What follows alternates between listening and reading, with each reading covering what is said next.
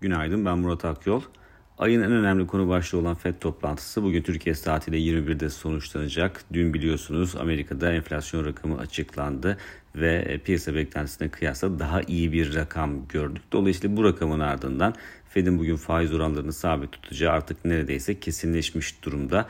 Bu nedenle faiz kararından ziyade Merkez Bankası'nın gelecek dönemlere ilişkin vereceği sinyallerin daha önemli olacağını söyleyebiliriz. Burada da tabii ki toplantı sonrasında yayınlanacak metindeki olası vurgu değişiklikleri ve e, FED Başkanı Powell'ın toplantı sonrasında yapacağı açıklamalar belirleyici olacak gibi görünüyor. E, Fed'in belki bugün faizlerde değişiklik yapması beklenmiyor ama istihdam oldukça kuvvetli bir görünüm sergiliyor Amerika'da. Bu da %2'lik e, enflasyon hedefine ulaşmayı önemli ölçüde zorlaştıran bir unsur. Dolayısıyla şu anda faiz arttırımı beklenmese de Temmuz ayı toplantısı için tahminlere baktığımızda burada arttırım ihtimali hala en olası seçenek olarak görünüyor. Toplantının ardından, bugünkü toplantının ardından bu ihtimalinin ne ölçüde değişeceğini yakından takip edeceğiz. İçeriye döndüğümüzde ise içeride e, dolar TL kuru dün ağırlıklı olarak 23.60-23.70 bandında işlem gördü. Yeni güne başlarken de bu bölgeden çok fazla uzaklaşmış değiliz. Dün Amerika'da e, açıklanan tüfe rakamını piyasalarda belki hareketlilik yarattı ama bunun TL'ye yansımaları beklediğimiz gibi limitli kaldı. Geçmiş dönemlerde e, TL ABD enflasyon rakamına daha sert tepkiler verebiliyordu. Özellikle beklentilerden sapma durumuna göre. Fakat e, artık e, o periyodu önemli ölçüde geride bırakmış durumdayız. Artık kendi iç dinamikleriyle hareket eden bir e, dolar TL kuru söz konusu içeride.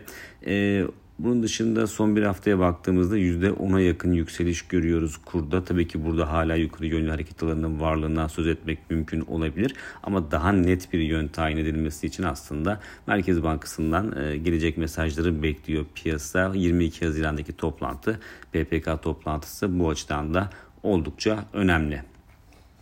Borsa İstanbul'a baktığımızda ise Borsa İstanbul'da e, önceki gün hafta başında 5700 puan seviyesinin üzeri test edilmişti. Fakat e, 5700'ün üzerinde kalmayı başaramayan endeks günü e, 5500'ün hemen üzerinde kapatmıştı. Dün ise bu ivme kaybı kendini çok daha net bir şekilde e, gösterdi ve 5500 puan seviyesinin ki burası bizim için e, kısa vadede önemli bir destek noktası. Bu seviyenin altında kapanış yapıldı. Özellikle e, standart sapmaların birbirinden çok uzaklaşmış olması, makasın belirgin şekilde açılmış olması kısa vadede volatilitenin yüksek seyredebileceğinin en önemli sinyallerinden birisini veriyor.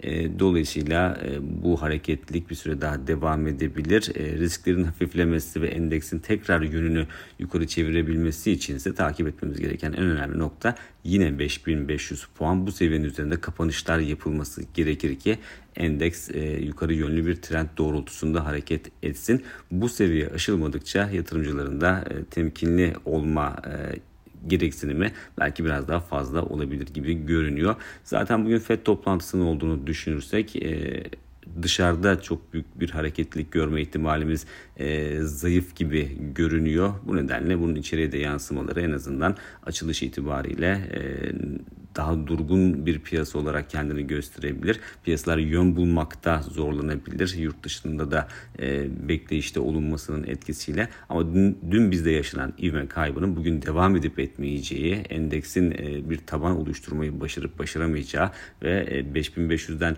ne kadar uzaklaşacağımız son derece önemli konu başlıkları. Dolayısıyla bugün bunları yakından takip edeceğiz.